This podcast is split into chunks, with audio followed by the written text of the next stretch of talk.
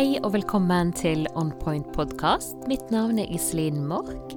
Og i dagens episode så har jeg invitert med Beate for ironisk nok å snakke litt mer om stillhet. Beate hun er yogainstruktør og instruktør i Mindful Eating, blant annet. Det er bare noe av det Beate driver på med. I denne samtalen eh, håper vi å dykke litt inn i dette temaet, i det å være i stillhet. Hun har jo da vært på et såkalt vipassana-kurs. Ja, og hva betyr det? Det er å se tingene som de virkelig er. Og i den vestlige verden så er begrepet stort sett oversatt med eh, innsiktsmeditasjon. Skal vi se hvis vi googler vipassana. Det er jo det jeg pleier å gjøre. det er en av Indias eldste meditasjonsteknikker som ble gjenoppdaget for over 2500 år siden av sjølveste Buddha. Han underviste dette som et universelt botemiddel mot universelle problem, dvs. Si som en livskunst. Så denne teknikken eh, er jo uten tilknytning til noen religioner. Ja, så Vipassana det er en vei til selvutvikling gjennom selvobservasjon og fokuserer på det nære samspillet mellom kropp og sinn. Basert på egen observasjon er dette en selvutforskende reise til der hvor kropp og sinn har sin felles opprinnelse og hvor man løser opp mentale knuter.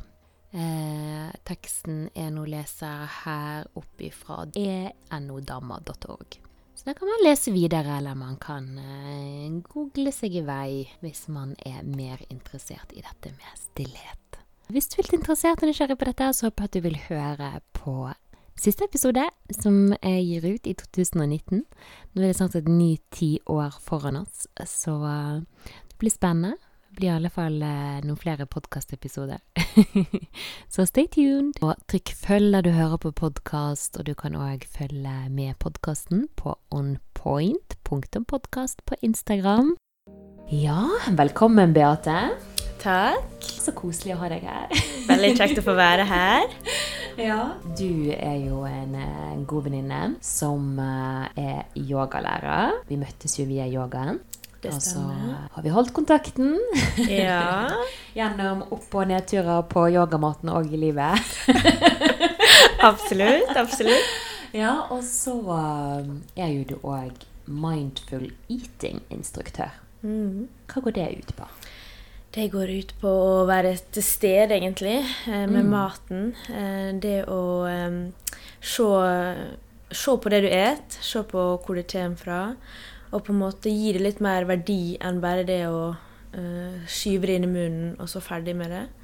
Um, og spesielt nå så er jo det fokus i mine kurs på det å, på folk som et for masse. da. Mm. At de skal se verdien i maten i seg sjøl. Og ikke bruke det uh, som uh, middel mot å lindre følelser. Mm. For det er jo ofte det vi gjør. Det er jo ofte at vi, når vi er veldig sliten, f.eks. en fredag, så er det veldig kjekt å komme til den godteriskåla, den sjokoladen, for å eh, slappe av, da. Mm. Eh, og da lærer folk til å bruke andre ting enn mat. Ja, jeg ser den, men samtidig så må jo man unne seg òg. Ja. ja. Det, det, er absolutt Jeg mener ikke det. Nei. Nå mener, jeg, eh, nå mener jeg jo for de som på en måte eter tre sjokolader og to iskrembokser og sånn, da. Mm. At der må man på en måte komme inn og regulere. Jeg mener absolutt at man skal mm. ete sjokolade og godteri og Jeg måtte alt. bare spesifisere. Jeg skjønner hva du mener, men tenker på de slutter til bare Å, herregud, får seg den lille bedømningen min der en gang. Liten sånn lørdagsgodt. Nei, sant, man skal absolutt. ikke ha uh, dårlig samvittighet for det. Jeg, mm, mm. Apropos, jeg bare leste på, um, på Instagram i går, skjønner du, så um, var det en, en post noen hadde delt da, med en veldig inspirerende Hva er det hun heter? Hun skal vel lage sin egen podkast. Kan se om jeg finner det her, altså. Men um, med at det er jo veldig eh, På den andre siden av aspektet, sånn så har du de som sliter med det, men så har jo du alle disse forventningene fra samfunnet og eh, på dette her med at hvis man først har skeiet ut og spist en sjokoladeplate, så er det nesten sånn for noen så er det sånn Å, herregud. Jeg kan ikke leve lenger. Mm. Altså Det blir helt sånn krise oppi hodet. Mm. Alt er fucket i livet mitt, liksom. Og hun eh, sammenlignet litt det der med å, eh, å spise Altså det høres liksom ut som de har drept en hel familie på Grünerløkka hvis de har, har eh, skeiet ut. Altså, sant? Altså, det er jo det å, å, å tilgi seg sjøl. Altså, alle bruker jo vi nesten i dagens samfunn et eller annet for å numme. Ja, uansett om det er mat, så er jo det gjerne alkohol eller andre middel, da. Så jeg mener jo, altså som mindful eating-instruktør, så er jo det det at vi jobber veldig med, altså med meditasjon i tillegg. Bare for å få kontakt med seg sjøl, for det er jo veldig mange som ikke har kontakt med Altså fra hals og ned. At det der er ingen kontakt, og det er jo det vi jobber med mest med. Å få kontakt med hjertet, få kontakt med kroppen, da. Mm. Ja, nå ser jeg her eh, Camilla Lorentzen, var det? Camilla Lor på Instagram. Self-love sass and some ass on occasion.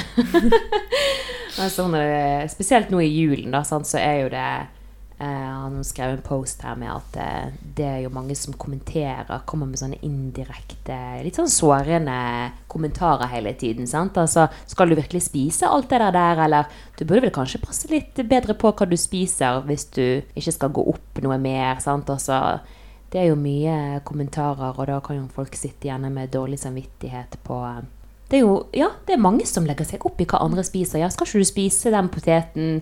Og så etterpå Ja, men skal ikke du ha dessert? Altså, mat er jo noe man ikke kan flykte fra. Det er jo noe man helst skal spise tre eller flere ganger om dagen. Sånn, Så det, jeg tror det er noe alle har et eh, Ja, jeg vet ikke.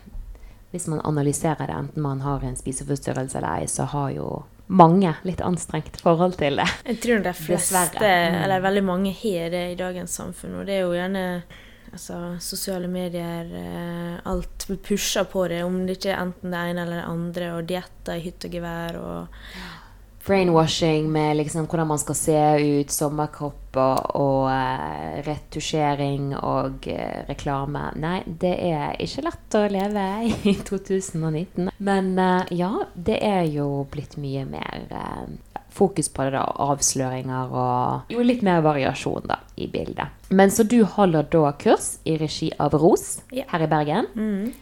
Det er da rådgivning om spiseforstyrrelse, som ROS står for. Ja. Så jeg tenker sånn, Siden vi kommer inn på det, så tenker jeg også at hvis du sitter og hører på og føler at du har et komplisert forhold til mat, så er jo det et sted som er for deg. Jeg tenker at veldig mange undervurderer jo litt sine problemer òg. Mm. Mm. Og det er jo veldig enkelt å ta kontakt med ROS. Eh, Ja. Det er veldig lav terskel. Mm. Så det er jo chat eh, i hverdagene eh, fra fem til ni.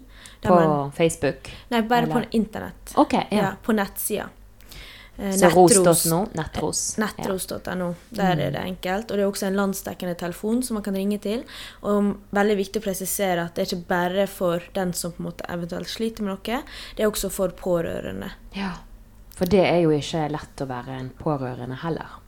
Eh, og der eh, Ja, der kan man faktisk søke om hjelp. For jeg tror veldig mange tenker litt sånn eh, når man har problemer dette skal jeg finne ut av sjøl, men dette eh, kan jo gå veldig langt. Mm. Det er jo og eh, veldig mange Jeg syns litt sånn misconception, litt misforståelser på at eh, ja, kanskje du bare skjerper deg og spiser litt mer. Altså, sånn ordner vi problemet. Men disse problemene eh, er veldig sammensatte og kompliserte. Og det er, handler ikke bare om å ta seg sammen og enten spise mer eller spise litt mindre. Det er masse følelser og ting som ligger bak her. Så her tror jeg faktisk man skal være flink og be om hjelp og oppsøke den. Eh, I stedet for å sitte og prøve å løse det sjøl, for det er en veldig langsom og pinsom vei som man kanskje aldri vil komme i mål med på egen hånd. Ja, absolutt. Jeg vil bare si en ting til. At eh, du kan også få gratis rådgivning. da. Mm. Så du kan komme inn der og faktisk få sitte og prate med noen. Ikke bare over telefon eller over da chat, hvis Mm. noen syns at det ikke er nok. da.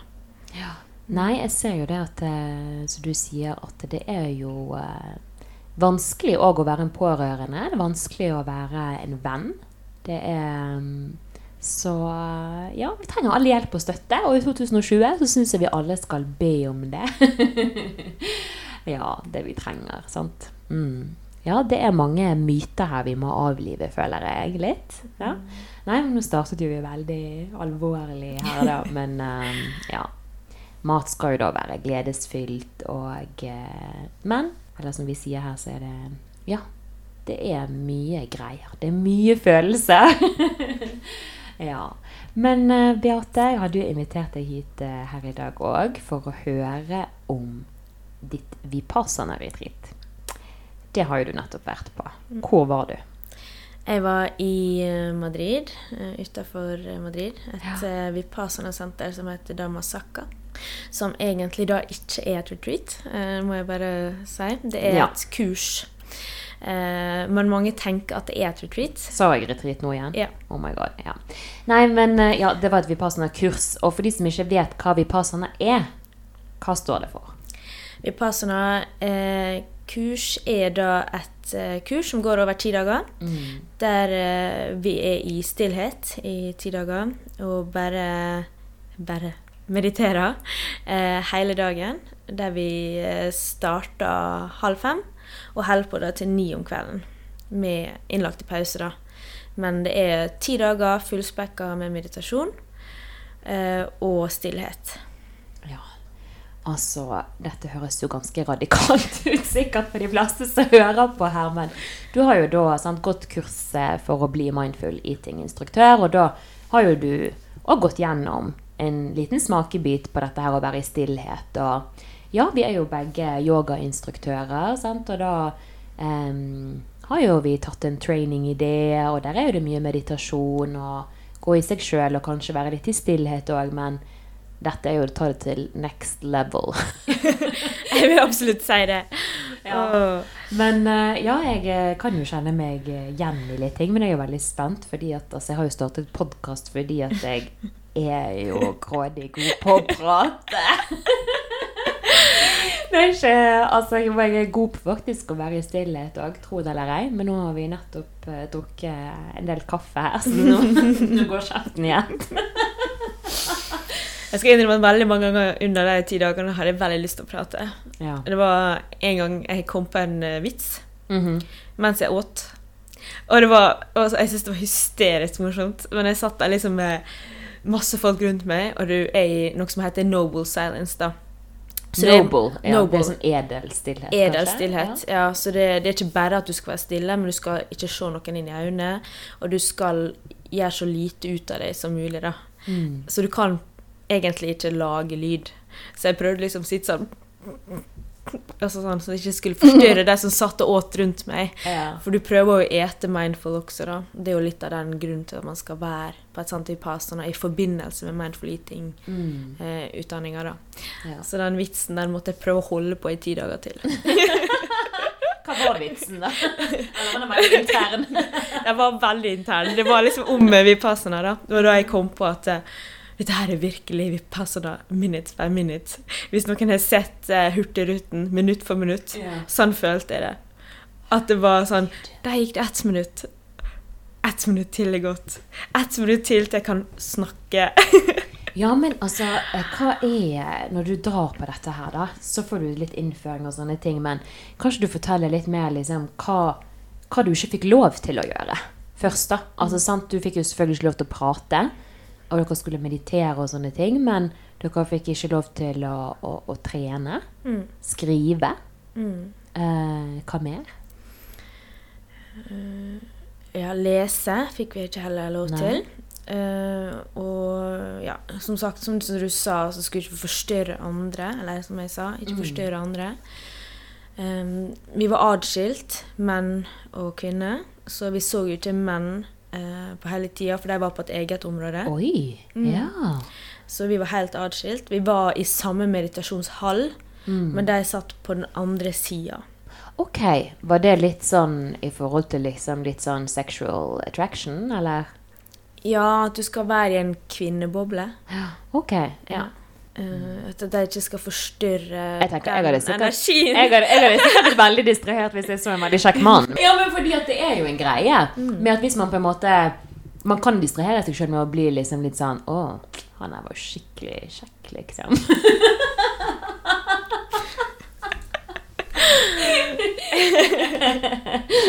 ja. Mm. Uh, så hva er det mm, det med at uh, vi fikk kun mat to ganger? Eller to, To ganger om dagen? Ja, to hovedmåltid om dagen. Eh, så da, det første var jo halv sju. om morgenen. eh, Etter vi hadde tatt vår første to timers meditasjon. Og så fikk vi lunsj klokka 11, som også var veldig bra. Veldig god mat der. Og så fikk vi som nye studenter fikk to pieces of fruit. da, To frukt. Og hvis du hadde vært på Vipassana før, så fikk du kun eh, lemon water. Så da fikk du, måtte du faste da, nesten altså veldig, 17 timer eller noe sånt. Å, herregud. Eh. Det høres jo helt tortur ut. Og det er jo litt med det at når du først et, så skulle du passe på at du ikke åt for masse, fordi at det er veldig vanskelig å meditere på full mage. Så du skulle ete helst tre fjerdedels full, da. Oh my god. Så det var ganske masse restriksjoner, egentlig. Så bare, det vil si altså bare frokost og lunsj, egentlig, da, men en lunsj, middag og frukt. Frokost, lunsj. Ja. Og så måtte du sitte faste resten av dagen. Og... Ja. Ja, Når sto du opp om morgenen? da? Vi sto opp klokka fire. Ja. Det, eh, vi hadde bjelle som ringte hele veien når vi skulle til de ulike tidene, så det ringte en klokka fire. Mm. Og da måtte du opp og stå. Eh, og så skulle vi være i meditasjonshallen klokka halv fem. Dette minner jo meg litt om sant? Jeg har jo eh, tatt noen teacher trainings, og jeg har jo vært i en sånn ashram-situasjon, og det er jo veldig sånn Hva heter det på norsk? Litt sånn auskeisk, eller? Nonne... Nonnetilværelse, nesten. Ja, det var jo nonnetilværelse, var det- følte jeg der jeg var, i hvert fall. Ja, nei, det var blandet, uh, blandet drops der. Var vi både menn og kvinner, eh, alle andre om hverandre. Men disse her som liksom er med og driver det, er jo faktisk nonner. Uh, og uh, ja, der sto jo vi opp klokken fire, og bjellen ringte, og vi gikk på sånn mindful walk, og det var meditasjon og alt.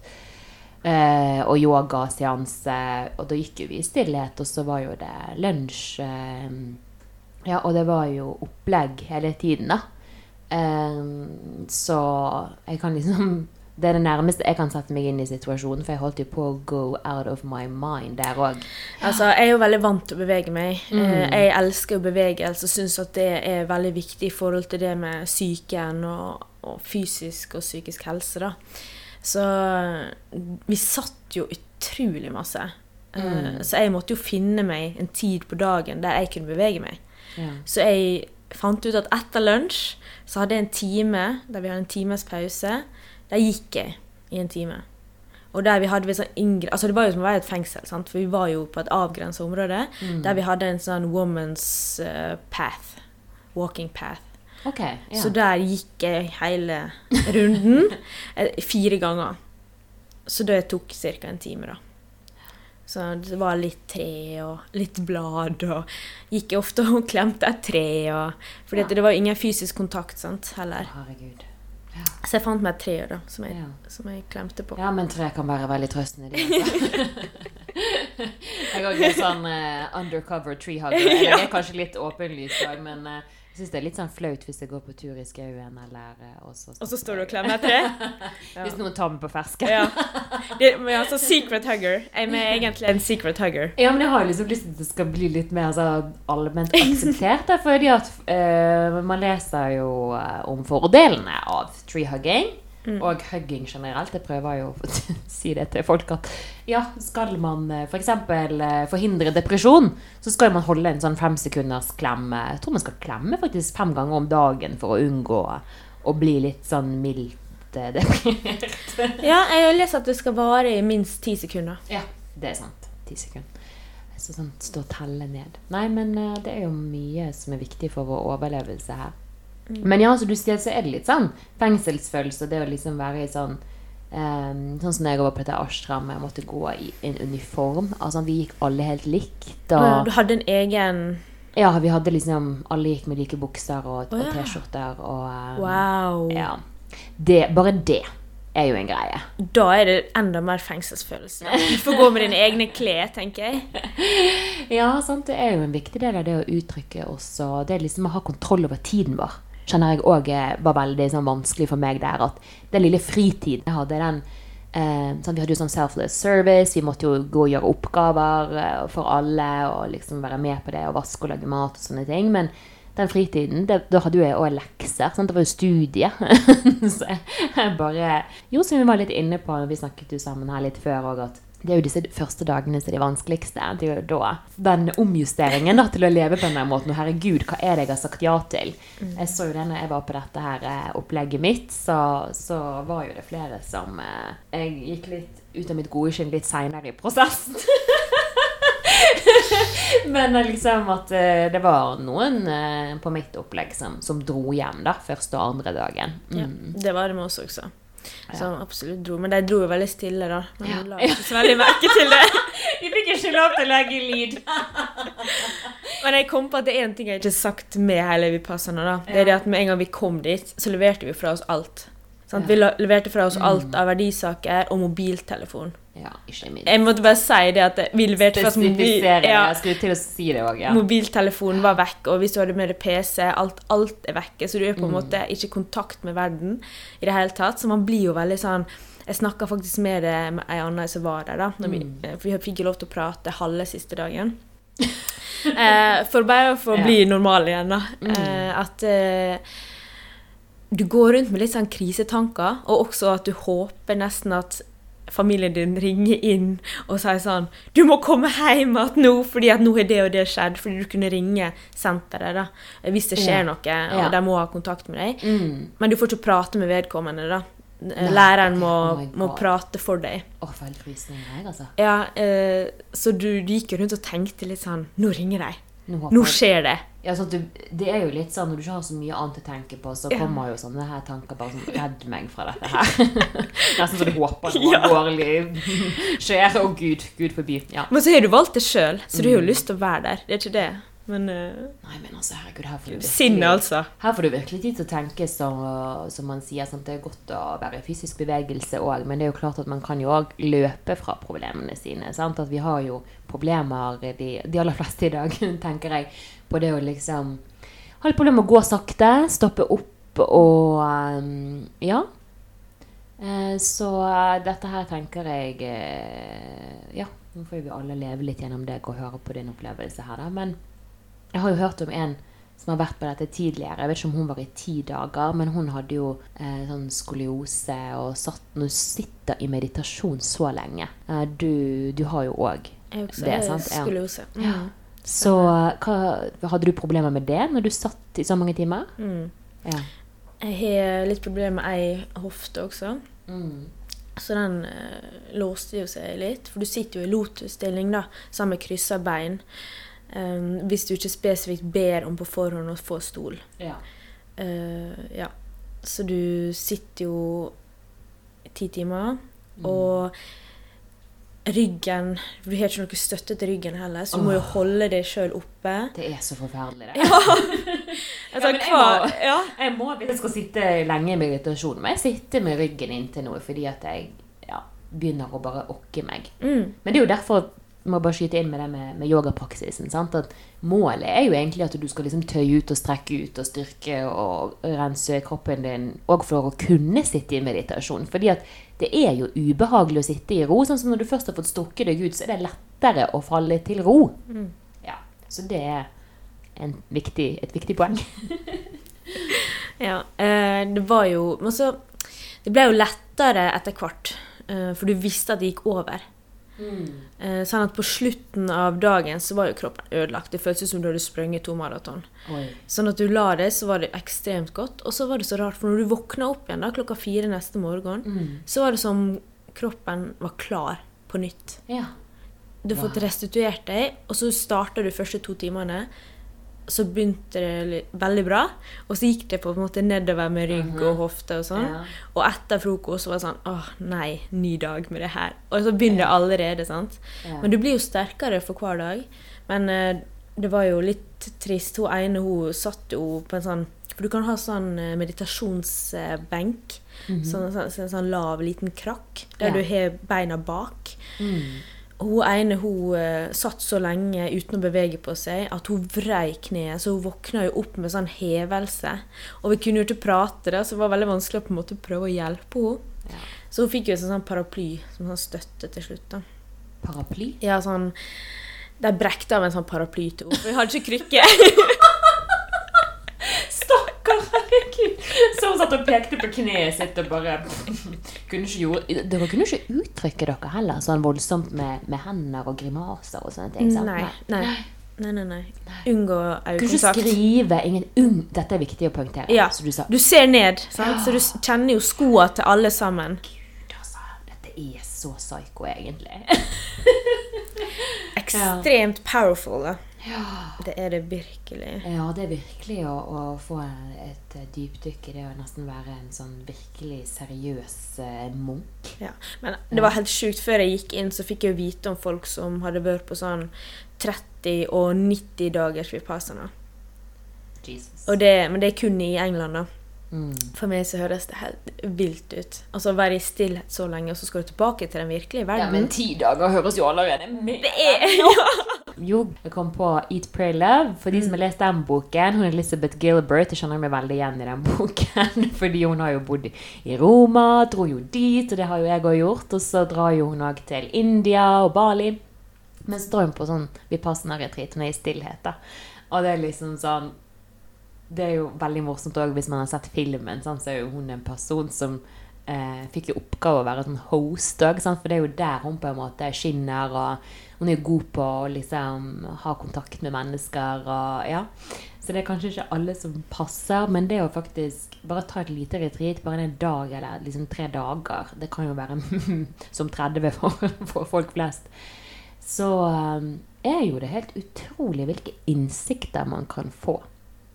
Eh, sånn som jeg har jo sjøl hatt en periode der jeg hadde en jobb der jeg ikke snakket med mennesker. Og jeg er jo veldig sosial. Jeg føler jeg trenger å ha folk rundt meg. Men så kom jeg liksom hjem og bodde alene og snakket ikke med noen der heller. Sant? Det var jo når jeg bodde i Italia. da. Og jeg kjente liksom sånn Oi, hm, dette var interessant. I stedet for å liksom Ja, jeg kunne selvfølgelig ringe og, og, og snakke og si takk eh, på butikken, liksom. Men jeg tenkte å ja, men nå skal jeg faktisk bare gå litt inn i dette her. Dette var litt spennende. Nå skal jeg liksom bare prøve å være litt stille og se hva som kommer ut av dette. Jeg kunne jo lese bøker og sånt, ja, men jeg syns det var kjempeinteressant å, å se hva som kom fram i meg. Bare på det å liksom holde litt tilbake da, på, på preikingen min. Og det er jo litt det som jeg sitter igjen med på vipassanaen, at eh, alt som måtte er til stede i kroppen, som man kanskje ikke legger merke til, er vel det som jeg er blitt utrolig nysgjerrig på nå. Fordi at eh, vipassana er en form for meditasjon. Eh, Damma er på en måte mer det, det kurset heter, og vipassana er det måten å meditere på. Så da er det mer sånn at man undersøker hva som er til stede igjen, og også se på de bølgene, sånn, de cravingene eller ørdene som dukker opp. Og, eh, og spesielt derfor har vi hatt eh, eller har vi noe som heter den strong determination sitting, der vi for én time ikke skal bevege oss. Ja. Og det er gjerne da søvner foten eller Ja. ryggen, kjenner at den låser seg, så skal du bare se på det Mm. eh, veldig objektivt, uten å bevege på deg.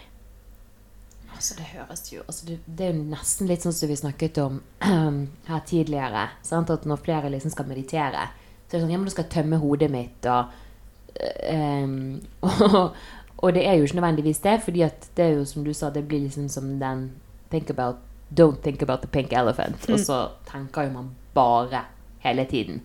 Um, og det er jo det hodet til for å tenke. Men uh, altså, hvis man da skal sitte der og bare ikke bevege deg, da tenkte jeg, da det første jeg begynner å tenke på, er jeg må bevege meg. Var ikke det litt sånn? Faktisk ikke. Det er fordi vi starta jo litt hele meditasjonen med, med den der 'clear your mind' og 'finn fokus'. Og når du på en måte sender fokus innover, så skulle vi starte fra toppen av hodet og kjenne etter hva er der. Kjenner du noe der? Om du har vondt, eller om du kjenner prikking, om du kjenner energi. Så du er veldig nysgjerrig på det som er på innsida. Og så går du stegvis hele veien gjennom kroppen din og er nysgjerrig på det som er. Men så klart så kommer disse her tankene sånn Hva skal jeg ete til lunsj i dag? Og så blir du sånn OK, men det var ikke det jeg skulle nå. Eller Hva tid er ferdig? Hva dag er vi på nå? Ok, vi er på dag fem. Greit. Ok, Da har vi begynt å kalkulere. Ok, Tilbake igjen til skulder.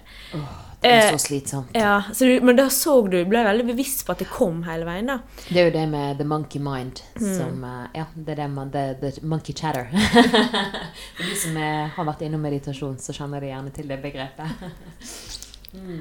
Så det, absolutt. Alltid hopper fra det ene til det andre og drar inn ting som egentlig ikke har med det du holder på med å gjøre. Og lager historie ut av det. Ja, Og så blir man faktisk helt crazy til slutt. Get out, you stupid monkey! I'm trying to focus! Det ble sånn du sa det til slutt. Bare sånn, bare vær stille. Mm. Nå, nå er du i veien for det jeg skal gjøre akkurat her. Ja, men når jeg hadde litt sånn mine stille dager, da, så ble jeg veldig observant på disse tankene som man har, og, og, og litt sånn Dette høres kanskje litt spesielt ut, men eh, jeg tenkte liksom òg litt på hvem er det jeg har, Hvor har jeg plukket opp denne tanken? Altså, Jeg begynte å analysere litt mine egne altså Det høres jo veldig crazy ut å tenke at ja, man har jo stemmer oppi hodet. Jeg vet ikke, De fleste hører vel kanskje tanken. Det er jo ikke sånn man leser tanken sine. Men oi, hvor, hvor Denne stemmen har jeg internalisert. Hvor har jeg først hørt denne? Altså Det ble jeg veldig observant på. da. Være at jeg liksom leste litt relevant i forhold til, forhold til det akkurat på den tiden her, tror jeg òg. Så jeg ble veldig bevisst på det og prøvde liksom å analysere. Hvor jeg hørte det første gangen? Og så fortsetter jeg å fortelle meg sjøl det samme om igjen. Eh, hadde du, du hadde ikke noen sånne tanker om eh, Herregud, du fikk jo så god tid til å tenke. Men har du noen innsikter du, du har lyst til å dele, eller liksom Ja? Spennende det du forteller nå, da. Ja. Uh, jeg- men jeg vil si at det var veldig masse sånn som kom, kjente jeg kom på sånn automatikk. Som jeg tydeligvis har hatt med meg fra noe. Og det vi blei bedt om på kurset, var jo å se objektivt på alt. ja. Um, og jeg fikk jo um, en ekstremt sånn der um, Eureka-opplevelse. Um, trigger. Ja. Jeg tenker det er masse triggere her. Trigger. Eh, og det um, Da alt bare kom opp. Um, Ja. Uh, og det høres kanskje veldig banalt ut, Mm. men det var ei i meditasjonssalen som hvert tredje minutt laga en lyd. Ja. En sånn ja. Og når du skal sitte og meditere, så, så var det som du hoppa ut hele veien. Mm. Eh, så det var en veldig sånn trigger i forhold til at det trigga noe i meg. Jeg kjente at jeg ble sint. Så jeg fikk et sånt sinne hele hver gang. Så jeg prøvde å sende loving healing til henne. Jeg prøvde, jeg prøvde meg på alt. Eh, Men det funka ikke. Nei. Så jeg måtte gå til læreren min og bare Er jeg så dårlig menneske som ikke klarer å takle denne her Men- lyden hun lager? Men kunne du snakke med læreren din, da? Du fikk lov til å øh, stille spørsmål. Ja, du snakket? Ja. Ja, Wow. Eh, en gang om dagen. Så fikk du lov til å be om en sånn time. da. Okay, Ja. Eh, og på et tidspunkt så når jeg har gått med deg i tre dager Mm. ti, Altså tre ganger ti, det er Mm. da 30 timer med den her hostinga. Og lyd, Inga Jeg vet ikke, Mm. Det var ikke en host heller. Det var, hun bare Sånn lagde lyd. forstyrrende lyd. sant? Ja. Det var jo derfor dere, som du sa, ikke skulle prøve å lage lyd og forstyrre de andre. da. Ja, Men eh, hva slags svar fikk du, da? Hun sa at jeg ikke var veldig economous. Hva betyr det? Eh, sinnslikevekt. Ok. Når jeg ble trigga av det her, Ja. så var ikke jeg veldig sinnslikevekt. Nei. Eh, og det tenkte jeg helt greit, eh, men jeg vil bare meditere. Og så sa hun noe fint, da. At hun sa "Du- Men du hadde jo syntes det var fint hvis det var en fugl. Fuglelyd som Ja. peip. Ja. Mm.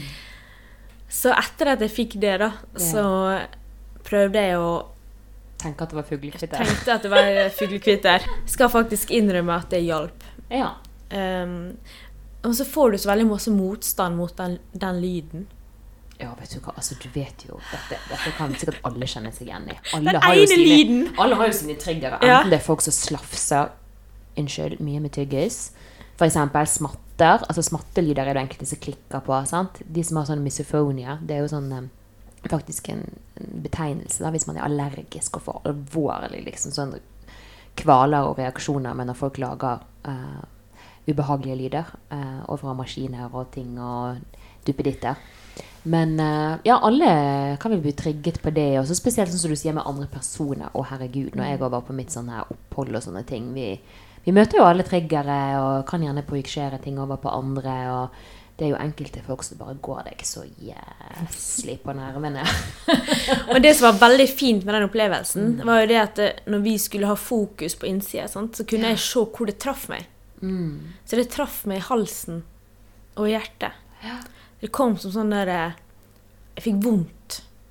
Altså, det slo meg, på en måte. Og som noe som slo meg i, i halsen og i hjertet. gud så spesielt. Ja, så jeg var helt sånn Der kom den følelsen. Og så Det skjedde i kroppen, og så kom tankene om at å, herregud, kan hun være stille? Ja. Skjønte, skjønner du? Så jeg kunne da begynne å jobbe med at det ikke skulle treffe meg sånn. Mm. Så det var utrolig spennende. Nei, men altså, herregud, jeg tenker jo uh, Jeg skal jo bare innrømme det sjøl med At det er jo Ja. Åh, den friheten vi har, altså, den skal vi sette så utrolig god pris på. Jeg er jo veldig glad i å uttrykke meg, sant, som holder på med teater og podkast og det ene og det andre her, men jeg tenker jo òg at um, uh, Ja, vi har jo en, en motstand mot å sitte i stillhet. Jeg kjenner det på meg sjøl, og det kan jo være de som lytter på, kjenner seg litt igjen i det. At ja, man hører gjerne på podkast når man går en tur, skal man høre på musikk. At jeg hører jo òg på lydbok. Ehm, fordi at jeg kjenner at jeg har faktisk vanskeligheter med å konsentrere meg mer. Og det er jo litt kanskje et produkt av det å ha f.eks. mobiler og sosiale medier som plinger, og det er meldinger her og der. og Konsentrasjonen blir jo veldig svekket, og det skal hele tiden skje noe nytt. sant? Vi refresher mobilen hele tiden, avhengig av de inputene, sånn at det faktisk blir vanskelig. Vi får konsentrasjonsproblemer. Og det kan jeg merke, jeg som har liksom kanskje lest flere bøker før, at det er vanskelig å fullføre en bok. Ehm, og det er sant, Jeg har jo meditert, eh, brukt ulike meditasjonsteknikker òg før, og det, det, er, det er ikke lett. Det er mye motstand som kommer opp, da. Og det, vi snakker jo mye kanskje sånn på denne tiden her òg av året om å ta litt detox sant, etter nyttår men, eh, og jul og utskeielser og sånne ting. Men det å ta litt detox òg på sosiale medier, og det å altså, være uten mobilen altså, Det er nesten så vi må legge oss inn, for det er såpass vanskelig å, å legge fra seg den på egen hånd og styre det, for avhengigheten er så stor. Jeg vet ikke, jeg har lest eh, Jeg prøvde jo en stund eh, det ganske lenge siden nå, da, å legge bare fra meg mobilen. sant? Ikke ta den med deg i sengen eller overalt. Og det var bare så deilig. Men siden det så har jeg liksom prøvd å innføre det igjen. Men det er så vanskelig! Det er kjempevanskelig. Jeg merker jo nå når jeg har fått mobilen tilbake, hvor masse eller hvor masse, ja, hvor masse forstyrra jeg blir Ja. av det som dukker opp. At du hodet drar fra det ene til det andre. Og eh, med en gang ting dukker opp, så har jeg lyst til å skrive det ned. ja. Fordi du er redd for å glemme ting. Da må du gjerne fra mobilen, og der har det skjedd masse. Så går du inn på det og det og det, og så sånn Hva var det jeg egentlig drev med? Jeg drev og skrev på dataen. Mm. Um, Man blir jo sikkert, som du sier, ekstra bevisst på det når du har hatt liksom den perioden der. Og, ja, og vi er liksom den generasjonen som har liksom fått dette innført i livet, og vi er jo de som òg må lære oss å begrense dette her, da. Uh, men liksom, når du kom ut ifra den opplevelsen, da, sant, altså Når du liksom ikke har fått uttrykt deg og beveget deg, og hva Liksom, hva følelse hadde du når du gikk ut eh, den siste dagen? Var du liksom litt elated, veldig happy og fornøyd med deg sjøl for at du hadde klart det, eller? Ja. Jeg var skikkelig stolt av meg sjøl. ja Jeg var. Jeg er stolt over deg, jeg òg. At jeg klarte det. Jeg klarte ti dager. Jeg var helt sånn Jeg kan klare alt. Ja. Mhm. Yes, you can, sister. Eh, og så var jeg veldig sånn Jeg har lyst til å gjøre det og det, og Masse ideer. Ja, masse ideer. Uh, Jeg har lyst til å uttrykke meg både altså, fysisk, gjøre alt mulig. Danse, hoppe og sprette, springe, yoga. Mm. Stå på hendene. Jeg har lyst til å synge, skrike. Og bare gjør alt det man vanligvis kan gjøre her, men som man kanskje ikke setter like masse pris på fordi man kan gjøre det hele tida. Ja. Og ete det man vil. Ja, herregud. Altså, satt du Jeg må bare si, for jeg glemte å spørre om i sted, men satt du liksom og fantaserte litt om Gud, nå har jeg så lyst på ja, altså Det var så mange netter jeg ikke sov, for jeg var så sulten. Nei, Beate! Ja. For å liksom drikke vann.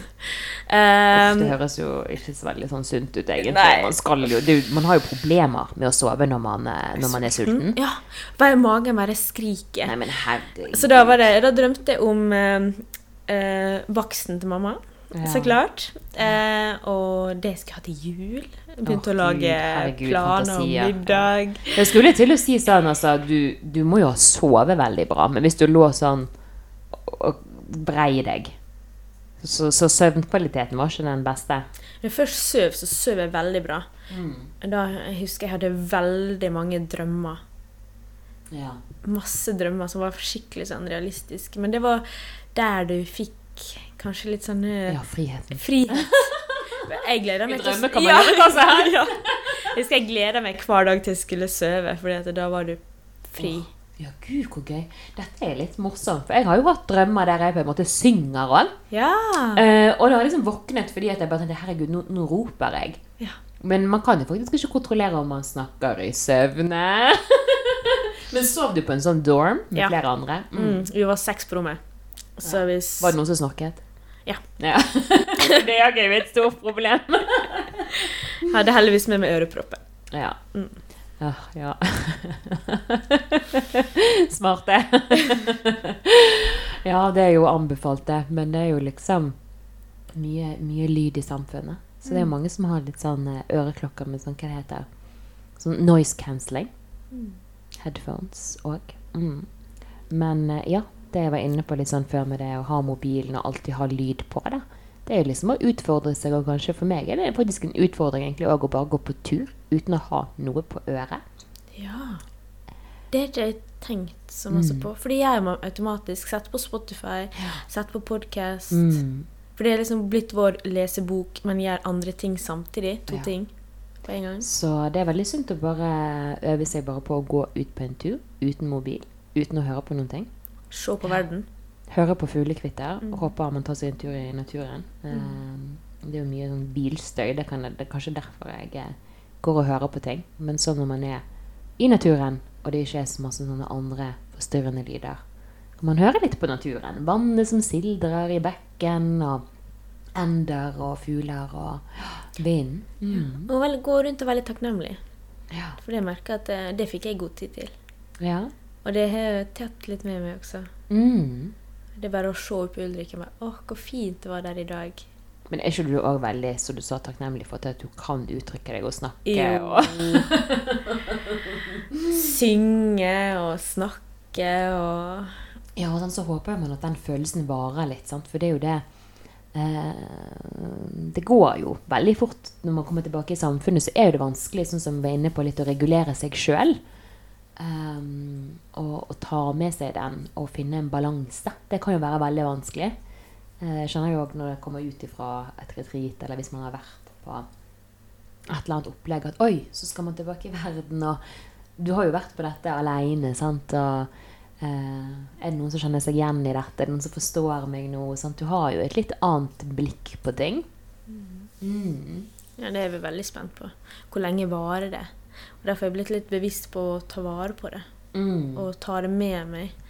Fordi at det har jo gitt meg veldig masse som Det her kan du kjenne igjen i, som ikke vises på utsida, men du føler det på innsida. Ja.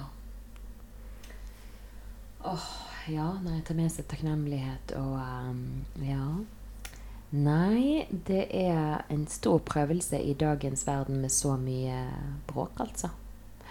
Nei, men nå syns jeg i utgangspunktet du er jo veldig god til å lytte og Ja. Men nå skal Beate i 2020 uttrykke seg, hoppe og gjøre teater, og jeg er veldig spent på hva slags sprell du kommer med nå. Synge. Store planer. Ja, men jeg må jo spørre deg, Beate. Jeg har jo et fast innslag. Har du et spirit animal?